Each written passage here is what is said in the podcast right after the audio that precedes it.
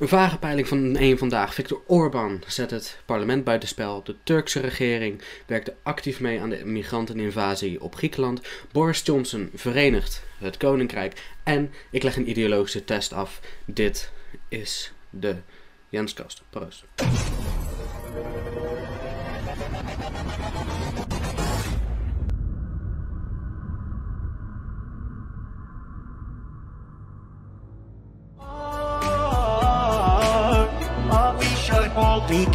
So that this disease won't blow Wash your hands, rub, rub, rub, rub them. Don't touch your eyes, your nose, your mouth. And avoid going to crowded places. Push back Corona, Corona. Practice good hygiene and keep your personal space clean. Respect the social distancing. Fight against the Corona, Corona. Let's get Brexit done and let's take this country forward. Een internationaal recht bestaat niet. Dat bestaat allemaal niet. Het is allemaal in jullie hoofd. Dat, dat is niet echt. Don't be rude. No, I'm not going to give you a question. I'm not going to give you a question. You are fake news. My country, Israel, the one and only Jewish state. Ja. Daar zijn we weer. Het heeft een paar weken geduurd, maar uiteindelijk ben ik terug. En dit keer zelfs met beeld.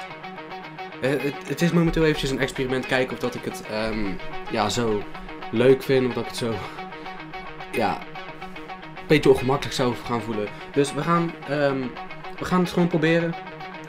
Mocht het eh, mooi, mooi uitpakken, mocht ik het leuk vinden uiteindelijk en mogen jullie het ehm, leuker of beter vinden, dan eh, hoor ik het graag in de reacties. En dan zal ik dat de volgende keer misschien wel weer doen. Het is eventjes een experiment. Nou ja, welkom bij de Jenskast. En we hebben natuurlijk ehm, daar de Nederlandse vlag, maar daar staat de Russische vlag. Waarom? We zijn natuurlijk Kremlin-poppen, dus we kunnen niks ehm, onafhankelijk schrijven. We kunnen niks onafhankelijk plaatsen. Alles komt via orders van Poetin zelf. Dus we, we moesten iets. En toen dachten we, nou, weet je wat, doen we dit. Pak, pakken een Russische vlag, is het tenminste duidelijk. Ehm, wij zijn dus de zogenaamde Rusland-trollen, of de, Russische, de Russische trollen. We beginnen meteen, we gaan beginnen met een peiling van één vandaag, die, ehm, die, is vandaag geplaatst, maar die heeft nogal veel vragen al opgerekt. Ehm, dat komt door de uiteindelijke uitpak van die peiling, of tenminste, ik zal een deel uit het artikel even voorlezen. Ik heb, ik heb hier ook een beetje neergezet van wat ik allemaal wil gaan bespreken. Ehm, ik heb hier ook nog iets wat we zo meteen gaan gebruiken, maar dat komt nog wel. Dit doet er even niet toe, want dit is allemaal iets van Belarus en zo, en van Rusland. dat zijn dus de orders in het Russisch die we hebben doorgekregen. Die moesten we snel vertalen, want anders kon het niet meer. Um, de, de coronacrisis zet honderdduizenden kiezers in beweging richting de VVD. Of misschien vooral weg van Forum en de PVV. Wat beweegt deze groep precies en hoe blijvend is deze verschuiving? De VVD stijgt in crisistijd van 27 zetels vorige maand naar 35 zetels vandaag. De beweging is duidelijk. De PVV verliest 3 zetels, FVD maar liefst 5. We hebben kiezers die vorige maand nog geen VVD stemden en nu zeggen dat wel te willen doen, gevraagd waarom. Het optreden van minister-president Mark Rutte is de voornaamste reden dat mensen overstappen naar de VVD. Dus wat ze hier eigenlijk zeggen is: oké, ehm, kiezers die vinden de aanpak van Mark, tenminste de aanpak van Rutte, vinden ze zodanig goed dat ze denken: oké, wij gaan weg van FVD en van PVV. We gaan naar de VVD, want die liggen verder ook zo lekker op een lijn.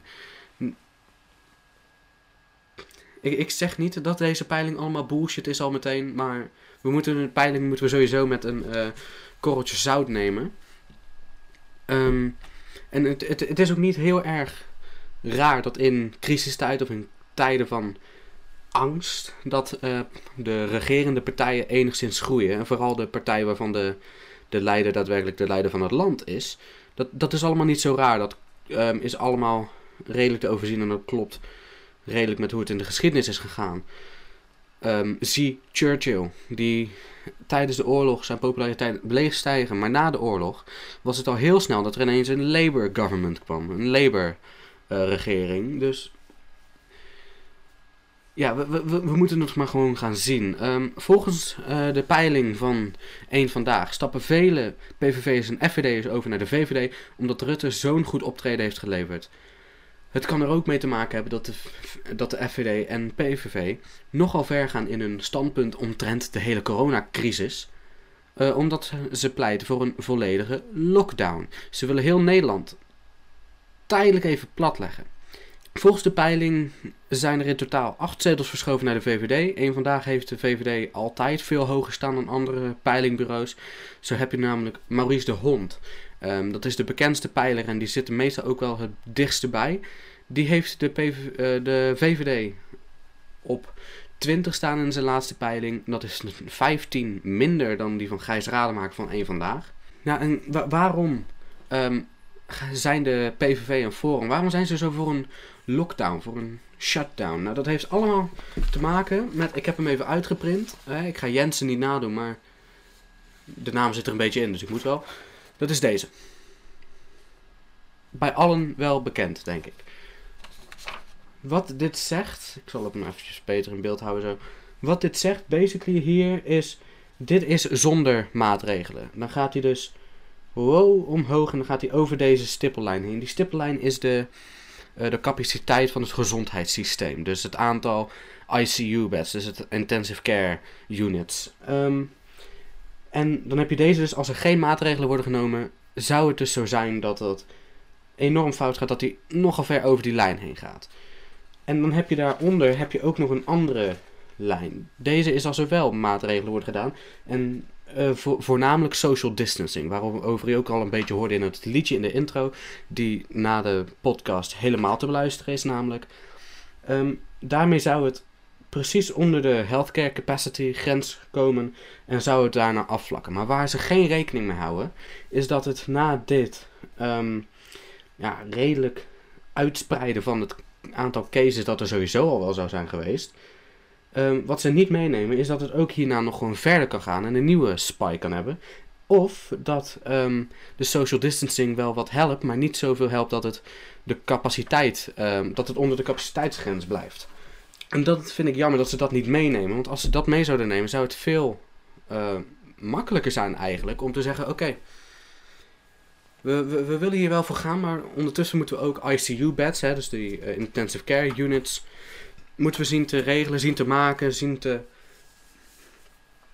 Maakt niet uit hoe, zolang ze er uiteindelijk maar zijn. Maar dat doen ze ook niet. Ze hebben ook niet de, capaciteit van de intensive care verbreed. En dat is een beetje een probleem met eh, regeringen. Dat is ook in Amerika het probleem. Het is niet echt heel erg geïncreased. Ook al hebben ze goede maatregelen aan het begin genomen. Hè, de grens eh, sluiten. ehm, travel met China afzwakken. Dat ehm, allemaal goed. Maar uiteindelijk is het niet genoeg. Want je moet uiteindelijk ook ICU-beds maken. En dat is wat er momenteel niet gebeurt. Dan gaan we over naar het volgende onderwerp. En dat volgende onderwerp is de staat eh, Turkije, de Turkse Republiek, die de migranten naar de grens heeft gestuurd en actief heeft meegeholpen.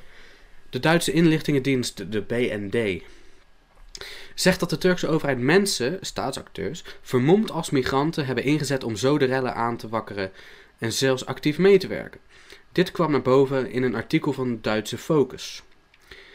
De acteurs gooiden zelf ook projectielen naar de Griekse grenswachten en hielpen ook mee met verschillende brandstichtingen om zo de Griekse grens te doorbreken. Dat Erdogan dit on- ontkent, dat mag natuurlijk duidelijk zijn, want waarom zou de dictator dit niet eh, ontkennen? Eind februari begon het allemaal. Turkije opende haar grenzen met de mededeling dat de migrantenhorde, ehm, met de mededeling aan de migrantenhorde dat ze via Griekenland de Europese Unie binnen konden trekken. Het gevolg was een aantal weken oorlog tussen migranten en de Griekse grenswachten, met onder andere hulp van eh, Polen, Tsjechië, Slowakije, Hongarije en Frontex. Frontex is eh, het bedrijf dat eigenlijk de grensbewaking van eh, de gehele Europese buitengrens eh, regelt.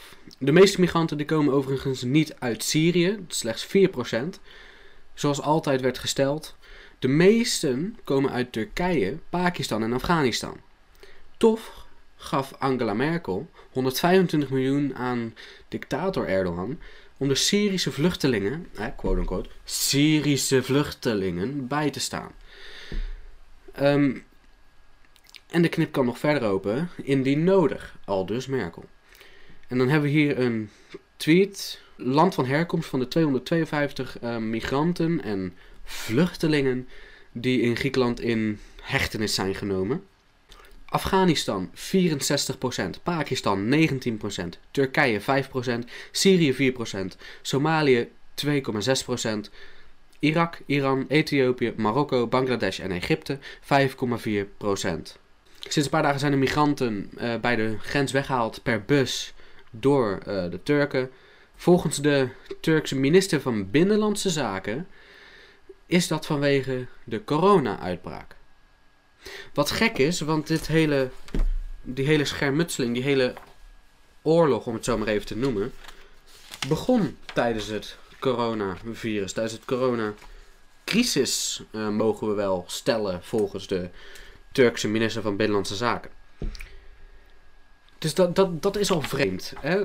De staat die helpt die migranten en ze zeggen nu, oh ja, we halen ze weg, want, um, ja, want de corona-uitbraak. Um, hè, want er is een corona-uitbraak, dan ga je ze toch niet op straat laten lopen. Het probleem is, ze hebben ze tijdens de corona-uitbraak op straat gezet. Maar dat even terzijde, zoals altijd. Dan gaan we maar overschakelen naar het volgende onderwerp. En dat is Boris Johnson. We hebben waarschijnlijk allemaal wel gezien dat Boris Johnson eh, het coronavirus heeft opgelopen. De Britse premier Boris Johnson is positief getest op het coronavirus. Minister-president Boris Johnson van het Verenigd Koninkrijk is positief getest op het coronavirus. Dat heeft hij bekendgemaakt op Twitter. Um, waarop hij zegt: Over the last 24 hours, I have developed mild symptoms and tested positive for coronavirus. I am now self isolating, but I will continue to lead the government's response via video conference as we fight the virus. Together we will beat this. Met andere woorden, ik zal de regering blijven leiden, ik zal de respons blijven leiden. En zodra uh, het allemaal weer beter is, we, basically, we komen er wel uit. Oké? Alles komt goed. Een beetje de stijl die uh, Rudy Giuliani heeft aangenomen toen uh, eh, 9-11 net gebeurd was. Toen heeft hij ook eigenlijk de, uh, heeft hij ook Amerika gekalmeerd. Het komt allemaal wel goed. We komen hier overheen. En laten we vooral niet te veel paniek zaaien. The best way to get your children to stop being afraid is to stop being afraid yourself. Johnson ontwikkelde in de laatste 24 uur milde symptomen en heeft op persoonlijk advies van de Chief Medical Officer van Engeland heeft hij een test afgelegd. Hij heeft besloten om vanuit huis te werken tijdens dat hij het virus heeft. Volgens een statement van Downing Street 10 blijft hij de nationale campagne tegen het virus leiden. Eerder vorige week werd al bekend dat Prins Charles, de prins van Wales, ook het virus heeft opgelopen en nu in zelfisolatie in Schotland zit. Ook de Queen die is um, gevlucht uit Londen, soort van. Die is nu, voor zover ik weet, van, naar Windsor uh, gegaan in plaats van Buckingham Palace. Maar dat heeft tezijde. Boris Johnson, daar is ook nog iets anders voor. Zijn populariteit. Die blijft namelijk groeien. Boris Johnson's populariteit blijft groeien sinds de laatste parlementsverkiezingen op 12 december 2019. In de aggregaat van peilingen kan Boris nu rekenen op een absolute meerderheid van 51% van de Britse stemmers. Een meerderheid verenigd in één koninkrijk achter Boris Johnson en de Conservative en Unionist Party. Zowel de daadkracht van Boris uh, rondom Brexit, het besluit om immigratie aan banden te leggen en de complete ontsporing van linkse partijen en organisaties hebben Boris Johnson de populariteit omhoog geduwd. Afgelopen december won uh, Boris Johnson met de Conservative Party 43,6% van de stemmen en 55% van de zetels. Boris won toen ook in districten die van oudsher op de, mm, ja, we kunnen wel zeggen, linkse Labour Party van Jeremy Corbyn stemden. Um, Boris Johnson levert nu goed werk, maar besef goed, ik zeg dit nu tegen jullie, besef goed dat deze gast in het verleden door het leven ging als een globalist. Hij is in de woorden van Dr. Steve Turley, als je hem niet kent, zoek hem even op op YouTube, want het is een heel interessante uh, man. Het is een heel interessante gast die um, op YouTube allemaal video's maakt. Twee per dag, voor zover ik het goed weet, over uh, een nieuwe conservative age. Are we seeing the revitalization of Christian civilization? All over the world, there's been a massive blowback against the anti cultural processes of globalization and its secular aristocracy. And it's just the beginning. I'm Dr. Steve Turner, and I believe that the secular world is at its brink and a new conservative age is rising. Join me each week as we examine these worldwide trends, discover answers to today's toughest challenges, and together learn to live in the present in light of even better things to come.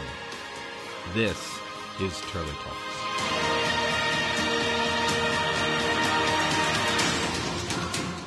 Ik zou het aanraden als je dat zou gaan kijken ook. Hij is in de woorden van hem een nationalist populist light.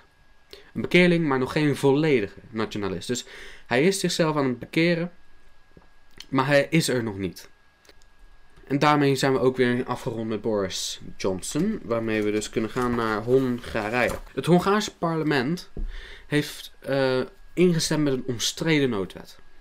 Eh, daarmee wordt de noodtoestand in Hongarije voor onbepaalde tijd verlengd, waardoor het kabinet van premier Viktor Orbán zonder inmenging van het parlement kan regeren. Een definitieve machtsgreep. Zo klinkt de kritiek op deze actie. Premier Orbán en zijn partij Fidesz zitten in Hongarije al tien jaar stevig in het zadel. Maar vandaag doet Orbán nog een, stepje, een schepje bovenop. Dankzij de noodwet kan Orbán het parlement voortaan passeren. Een stap die volgens Orbán nodig is in de strijd tegen het coronavirus. Iedereen moet nu uit zijn comfortzone stappen. Deze wet geeft de regering de macht en de middelen om Hongarije te verdedigen, zei Viktor Orbán vorige week in het parlement. Maar Orbán maakt zo ook de oppositie en eventuele rebellerende partijgenoten machteloos. De wetswijziging kan pas worden teruggedraaid bij steun van de tweederde meerderheid van het parlement, aangezien Orbán zijn partij Fidesz, die tweederde meerderheid nu in handen heeft, heeft Orbán het voor onbepaalde tijd voor het zeggen. En ook al had hij niet een tweederde meerderheid, maar had hij een meerderheid, gewoon hè, de helft plus één, dan hadden ze het ook niet kunnen terugdraaien, want dan had hij het alsnog tegengehouden, want het moet een tweederde meerderheid zijn. Ehm, er zijn daardoor ook geen verkiezingen mogelijk. Zolang de huidige noodtoestand geldt, zijn er geen verkiezingen mogelijk. Die staan nu pas gepland voor 2022, maar kunnen door de wet in theorie geschrapt worden. Een directe aanval op de democratie vindt mensenrechtenorganisatie Human Rights Watch. Natuurlijk weer een fantastische globalistische organisatie. Waarschijnlijk weer met geld van George Soros ehm, gesteund. Nou. Ook de Raad van Europa uit de kritiek. Nou. Alsof dat heel veel uiteindelijk teweeg zal gaan brengen. In een tweet van Jeroen Akkermans, die ook een andere tweet van Balash Sheko, of Sheke, um, uh, ja, citeert. Um, stopt Hongarije volledig met de democratie, maar voor hoe lang? Alleen Orbán die het weet. Het Hongaarse parlement, ik zal hem even in het Engels uh, doen. The Hungarian parliament passes a bill that gives Prime Minister Orbán unlimited power and proclaims state of emergency without time limit, rule by decree, parliament suspended, no elections, spreading fake news plus rumors is up to 5 years in prison, leaving quarantine up to 8 years in prison. En dit is alles in het o zo vrije Hongarije. Nou, nou, nou heb ik vaak um, Viktor Orbán verdedigd op verschillende fronten. In dit geval ga ik het niet doen. In dit geval ga ik het niet doen. Dit is namelijk, ik, ik denk dat je hiermee namelijk te ver gaat.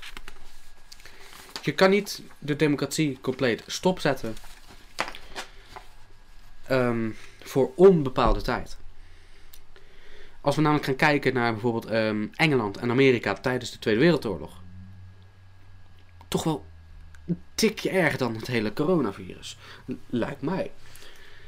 Toen gingen de democratie gingen ook gewoon door. Er was in um, 1940, um, als ik het goed heb, was er een election in, in de Verenigde Staten. In 1944 was er een verkiezing in de Verenigde Staten.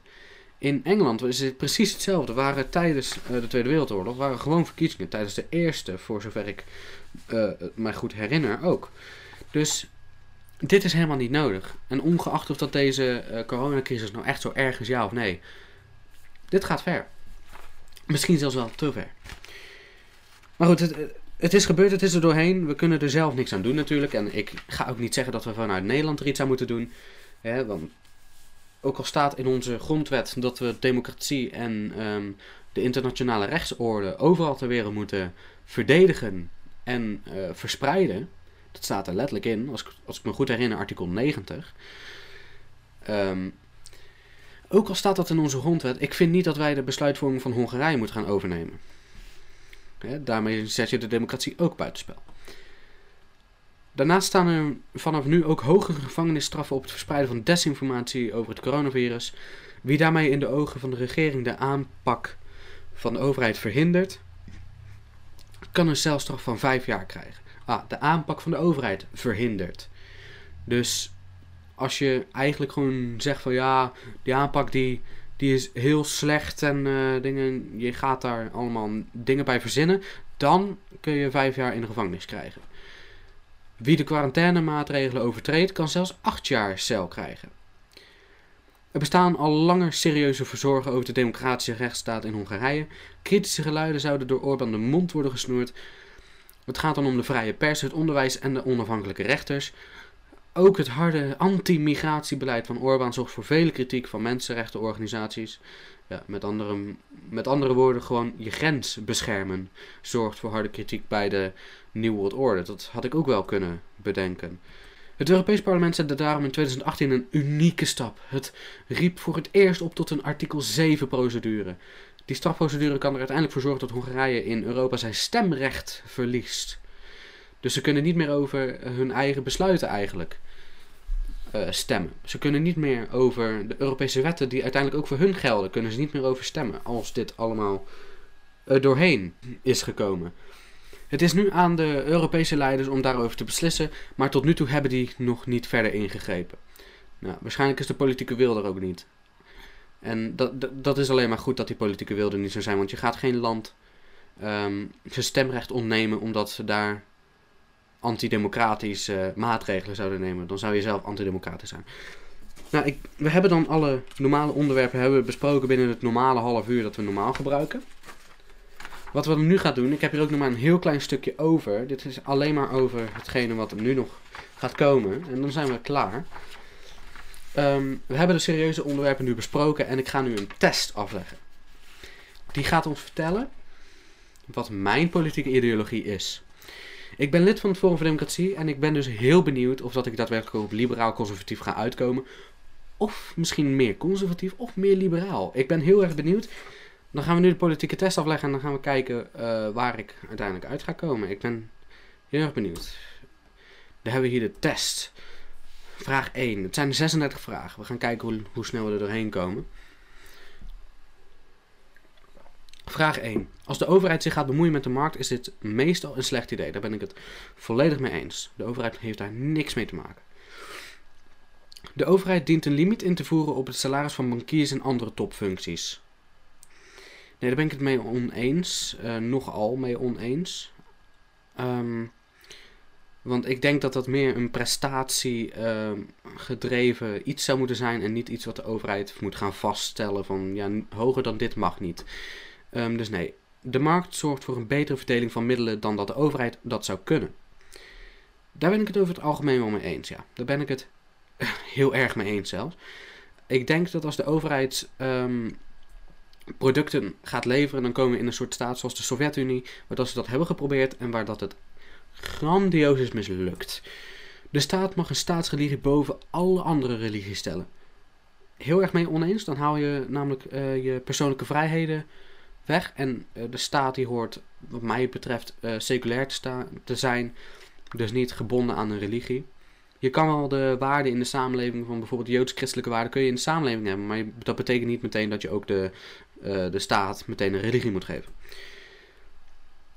Een land mag nooit aan een oorlog beginnen zonder de goedkeuring en steun van de internationale gemeenschap.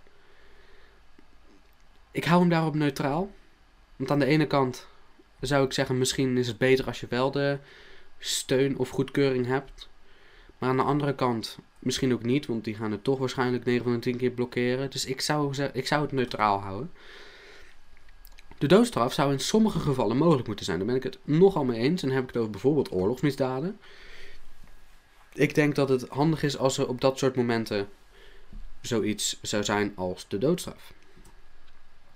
Sommige bevolkingsgroepen en religies zorgen voor, over het algemeen voor meer problemen dan de andere. Het heeft niet meteen, met de, de bevolkingsgroepen te maken of met de religies te maken, maar het heeft meer te maken met de cultuur waar ze vandaan komen. Dus soort van mee eens, omdat de bevolkingsgroepen en religies maken meestal wel een groot gedeelte uit van wat de cultuur is. Dus ik, ik hou het op soort van eens. De monarchie en adellijke titels moeten afgeschaft worden. Hm. Dit, dit is op zich best wel moeilijk, want hiermee ga je dus zeggen van oké, de monarchie, dus het koninkrijk, moet eigenlijk afgeschaft worden en we zouden dan bijvoorbeeld naar een republiek gaan. Het zou heel veel kosten schelen, maar het is wel een eh, soort, ja, uniting, een verenigd, verenigd symbool. Maar ik zou het op soort van eens houden. Medische ondersteunde zelfdoding moet wettelijk zijn toegestaan. Heel erg mee oneens. Ik, ik denk dat euthanasie, ehm, of op welke manier anders een medische zelfdoding, ik denk dat dat altijd verboden zou moeten blijven en verboden zou moeten zijn. Ehm, een sterk leger is een belangrijker middel dan buitenlandse betrekkingen, ehm, in buitenlandse betrekkingen dan een sterke diplomatie. Ik hou hem daarop neutraal, want beide is nogal belangrijk, maar een sterk leger is ook heel erg belangrijk. De overheid dient te zorgen voor een herverdeling van de welvaart door de rijken te belasten en dit ten goede te laten komen van de armen. Nee. De overheid is er niet voor het herverdelen van de welvaart. De overheid is er zodat de burgers beschermd worden en vrij kunnen zijn. Niet zodat de welvaart wordt verdeeld.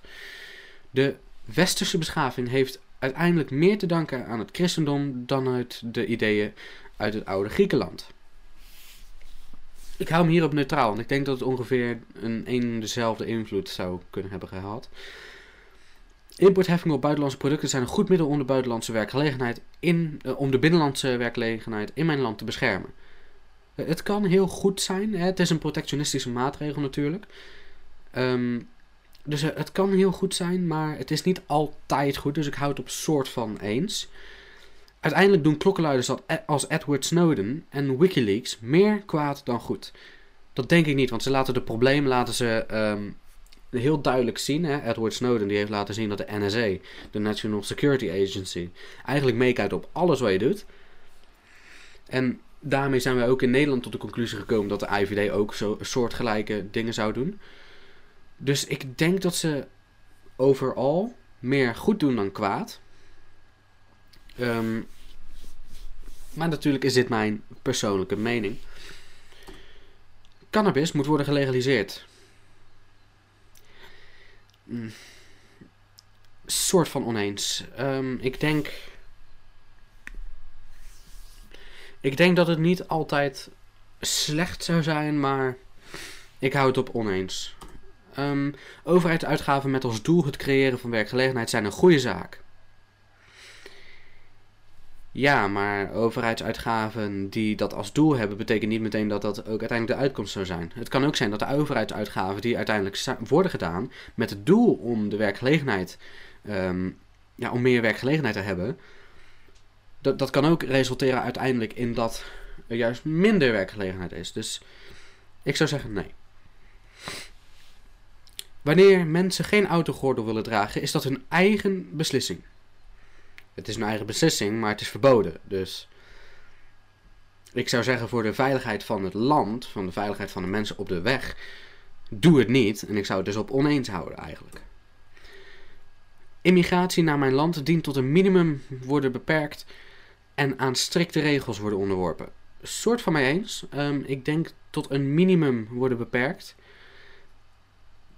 Ik denk dat je tot een ja, niet per se tot het algemene minimum moet beperken, maar gewoon tot een bepaald ehm, percentage dat, ja, dat, gewoon een bepaald percentage dat acceptabel is voor de bevolking, waarmee je niet te veel van je welvaart ehm, eigenlijk uitgeeft aan ehm, immigratie, zeg maar. Partners van hetzelfde geslacht dienen alle rechten te hebben die heteroseksuele partners hebben, inclusief het recht op adoptie. Ehm soort van, het kan soms beter zijn om ehm, eh, bijvoorbeeld bij adoptie om een, een vader en een moederfiguur te hebben.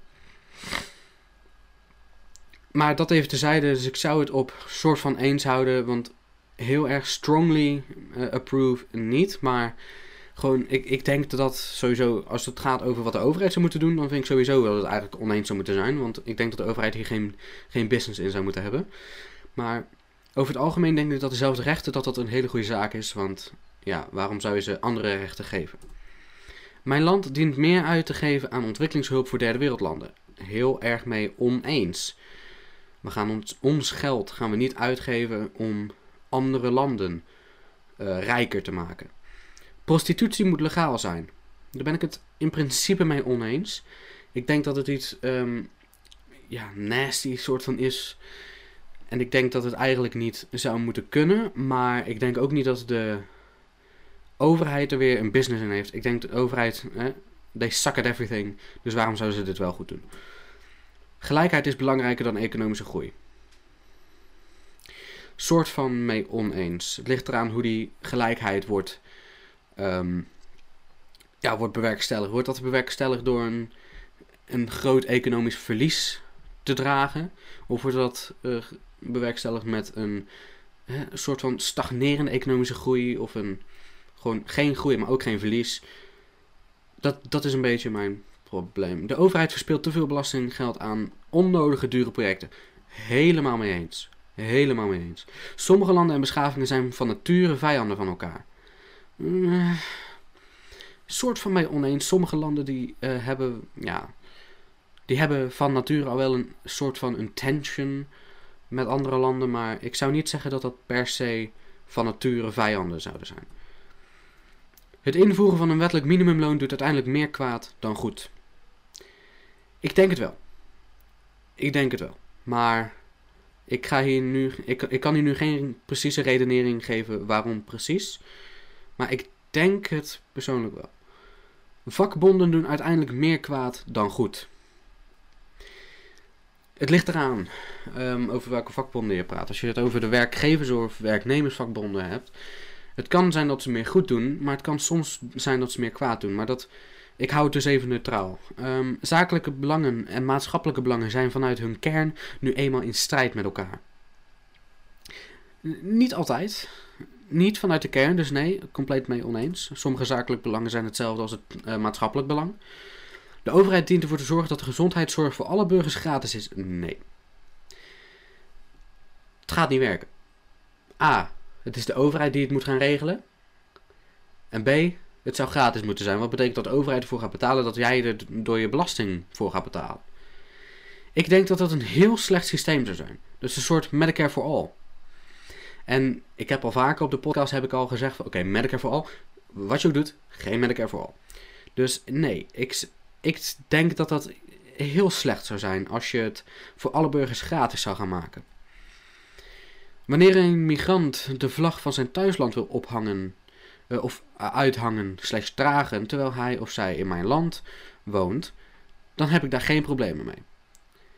Soort van eens, zolang um, diegene maar niet actief tegen Nederland of het Nederlandse belang probeert te werken, of tegen de Nederlandse cultuur probeert te werken, vind ik het prima als iemand uh, bijvoorbeeld van Marokko, van Turkije, zijn eigen vlag wilt uithangen of wilt dragen. Dat vind ik dan verder prima, zolang je maar aan onze normen en waarden, regels en wetten houdt. Speculeren op de aandelenmarkt is minder wenselijk dan andere vormen van economische activiteiten. Een beetje neutraal, want het kan, het kan een positief effect hebben om daarop te speculeren, maar het kan ook een heel erg negatief effect hebben om daarop te speculeren. Dat zien we momenteel al even met de coronacrisis. Hè? De, de stockmarket die de hele tijd up en down, up en down, up en down is. Dus ik hou het neutraal. De industrie dient zwaarder belast te worden ten behoeve van het klimaat. Nee. Nee, want dat hele klimaat, dat is sowieso. Ik zit in mijn hoofd te denken van ja, maar dit klopt al helemaal niet. Er, er is niet zo'n danige klimaatverandering dat we daarom hele industrieën moeten gaan belasten. Ik denk dat het allemaal te overtrokken is. Vrije handel is beter voor derde wereldlanden dan ontwikkelingshulp. Ja, ik, ik denk het wel. Want als je vrije handel hebt, dan kun je dus ehm, vrij dingen verkopen en inkopen. Het kan de prijs van goederen. Sorry. Het kan de prijs van goederen omlaag brengen. Dus dan kun je het ook weer goedkoper inkopen. En dan kun je dus ook weer goedkoper, eh, goedkoper leven uiteindelijk. Dus ik denk het wel. Beveiligings- en antiterrorisme maatregelen zijn te ver doorgeschoten. Ja, het, het is tot zover doorgeschoten. Ik hou er dan ook even corona bij. Het is zo ver doorgeschoten dat je je eigen persoonlijke vrijheden kwijtraakt. Belastinggeld is niet bedoeld voor kunst of sport. Overall agree. Want we betalen het voor eh, de verbetering van ons leven, niet per se voor kunst of sport. We kunnen sporten zonder dat we bij een sportclub zitten. We kunnen kunst bekijken zonder dat we ehm, ervoor betalen. En als we ervoor gaan betalen, gaan we naar een museum. Betalen we ervoor. Dat is allemaal prima. Maar ik denk niet dat het door de staat zou moeten worden betaald. Of eigenlijk door de mensen worden betaald. Want de staat, het geld wat de staat heeft, komt uiteindelijk van de mensen. Werklozen die hun baan weigeren, verspelen hun recht op een uitkering van de overheid. Helemaal mee eens. Helemaal mee eens. Als jij werkloos bent en je wilt een uitkering, maar je weigert een baan, dan heb jij geen recht op een uitkering van de overheid, die wij dus betalen. Dat, dan heb je daar geen recht op. Als jij een baan weigert, en daarmee dus ook een salaris weigert, dan is het je eigen probleem. Moet je het zelf maar gaan oplossen. Moet je daar niet voor bij de mensen aankloppen. De rehabilitatie en resocialisatie van criminelen is belangrijker dan straffen. Nee. Nee. gewoon overal. Nee. Afronden. Ik ben benieuwd. Wat zal het zijn? Oh. Wat we dus zien, hè, communitarisme, dat is dan meestal, uh, dat is een beetje in de richting van uh, conservative, zeg maar. Wat we zien is dat ik redelijk op de middenlijn lig, wel redelijk rechts. Rechtser dan Reagan, zo te zien. En veel rechtser dan Bush. Um, maar ik zit een beetje rond de helft als het gaat om liberalisme, op liberalisme en communitarisme. 8,3% communitarisme, 69,4% rechts. Dus zoals um, in het voorstuk eigenlijk al gezegd werd, ben ik dus blijkbaar een liberaal conservatief.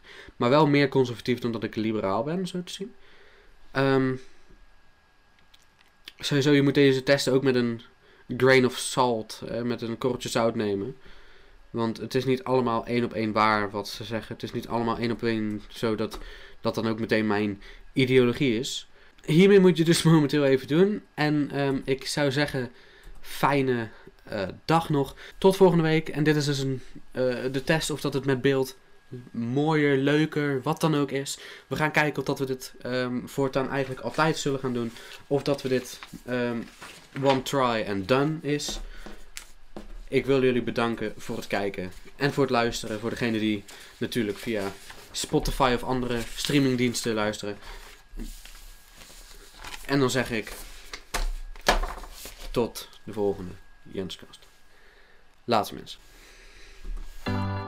My fellow Americans, tonight I want to speak with you about our nation's unprecedented response to the coronavirus outbreak. Recently, we've been hit by virus, by virus, and its name is Corona. What does it do? Makes it hard to breathe, to breathe. Right now, there is no. vaccine. Oh, oh, oh, and now we gotta stay alert, stop it from getting worse, getting worse. Oh, oh, oh, we should all be careful so that this disease won't blow on. Wash your hands, rub, rub, rub, rub them. Don't touch your eyes, your nose, your mouth. And avoid going to crowded places. Push back Corona, Corona. Practice good hygiene and keep your personal space clean. Respect the social distancing. Fight against the Corona, Corona.